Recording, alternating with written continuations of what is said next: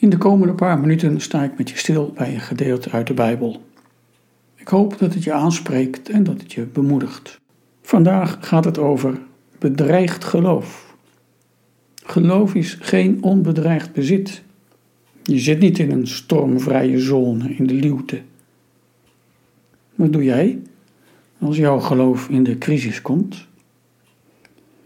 Over Abraham, de vader van alle gelovigen, lezen we in Genesis 12: Hij bouwde er een altaar voor de Heer en riep er zijn naam aan. De vader van alle gelovigen. Zo wordt Abraham genoemd. Een voorbeeld voor wat geloven is. Hoe het je perspectief geeft, maar ook hoe het je in een crisis kan brengen. En hoe je het in die crisis uithoudt. Abraham draagt de belofte van God mee. Niet één of twee, maar drie harde toezeggingen. Jij zult tot een groot volk worden. Dit land zal ik jouw nakomelingen geven. En jij zult tot een zegen zijn voor de volken. Maar wat kan hij daarmee? Wat moet hij met die beloften? Als Abraham zijn familie en verwanten achterlaat in Haran, gaan alleen zijn vrouw Sarai en zijn neef Lot met hem mee. Geen groot volk, geen rijke kinderscharen. Hij reist door het land dat God hem belooft. Hij komt bij Sichem, bij de eik Moreh, en er staat er uitdrukkelijk bij: in die tijd werd het land bewoond door de Canaanieten. Geen open stuk grond waar hij zich zomaar kan vestigen, maar bewoond en bebouwd door andere volken. En hij wordt niet met open armen ontvangen. En zegen voor de volken? Hoe dan? Abraham zal lang moeten wachten, veel geduld moeten hebben, voordat Gods belofte vervuld wordt.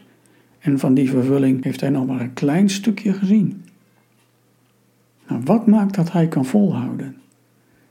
Hij bouwt een altaar. Daarmee claimt hij als het ware de grond waar hij op staat. Dit is heilige grond, beloofd land. En hij roept de naam van de Heer aan. Wij zouden zeggen, hij ging daar een kerkdienst houden, bidden, misschien wel zingen. Hij beleed, mijn hulp is de naam van de Heer, de Heer zelf is mijn helper. Daar richtte hij zijn geloof op Gods belofte. En dat maakte hem sterk.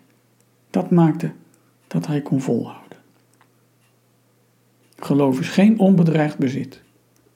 Je komt als gelovige zomaar in een crisis. Hoe echt is mijn geloof? Hoe stevig? Jouw geloof wordt bevraagd vanuit je eigen hart, of door het ongeloof, of ook de nieuwsgierigheid van anderen, en door God zelf beproefd.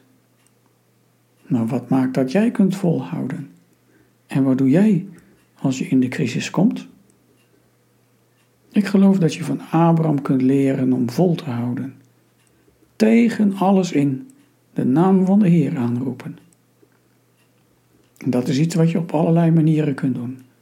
In deze crisistijd helaas niet in de kerk rond woord en sacrament, maar je bent er ook niet van verstoken. Wijd jezelf toe aan de Heer, vertrouw Hem op Zijn woord. Blijf naar Hem uitzien. Verwacht alles van Hem. Zorg dat je trouw bent in het aanroepen van de naam van de Heer. Dan sta je sterk. Dan kun je volhouden. Heer, maak uw beloften waar. Maak mijn geloof sterk. Maak dat ik kan volhouden. Door Jezus onze Heer en door uw Heilige Geest. U, de eeuwige God, die we loven en prijzen. Amen.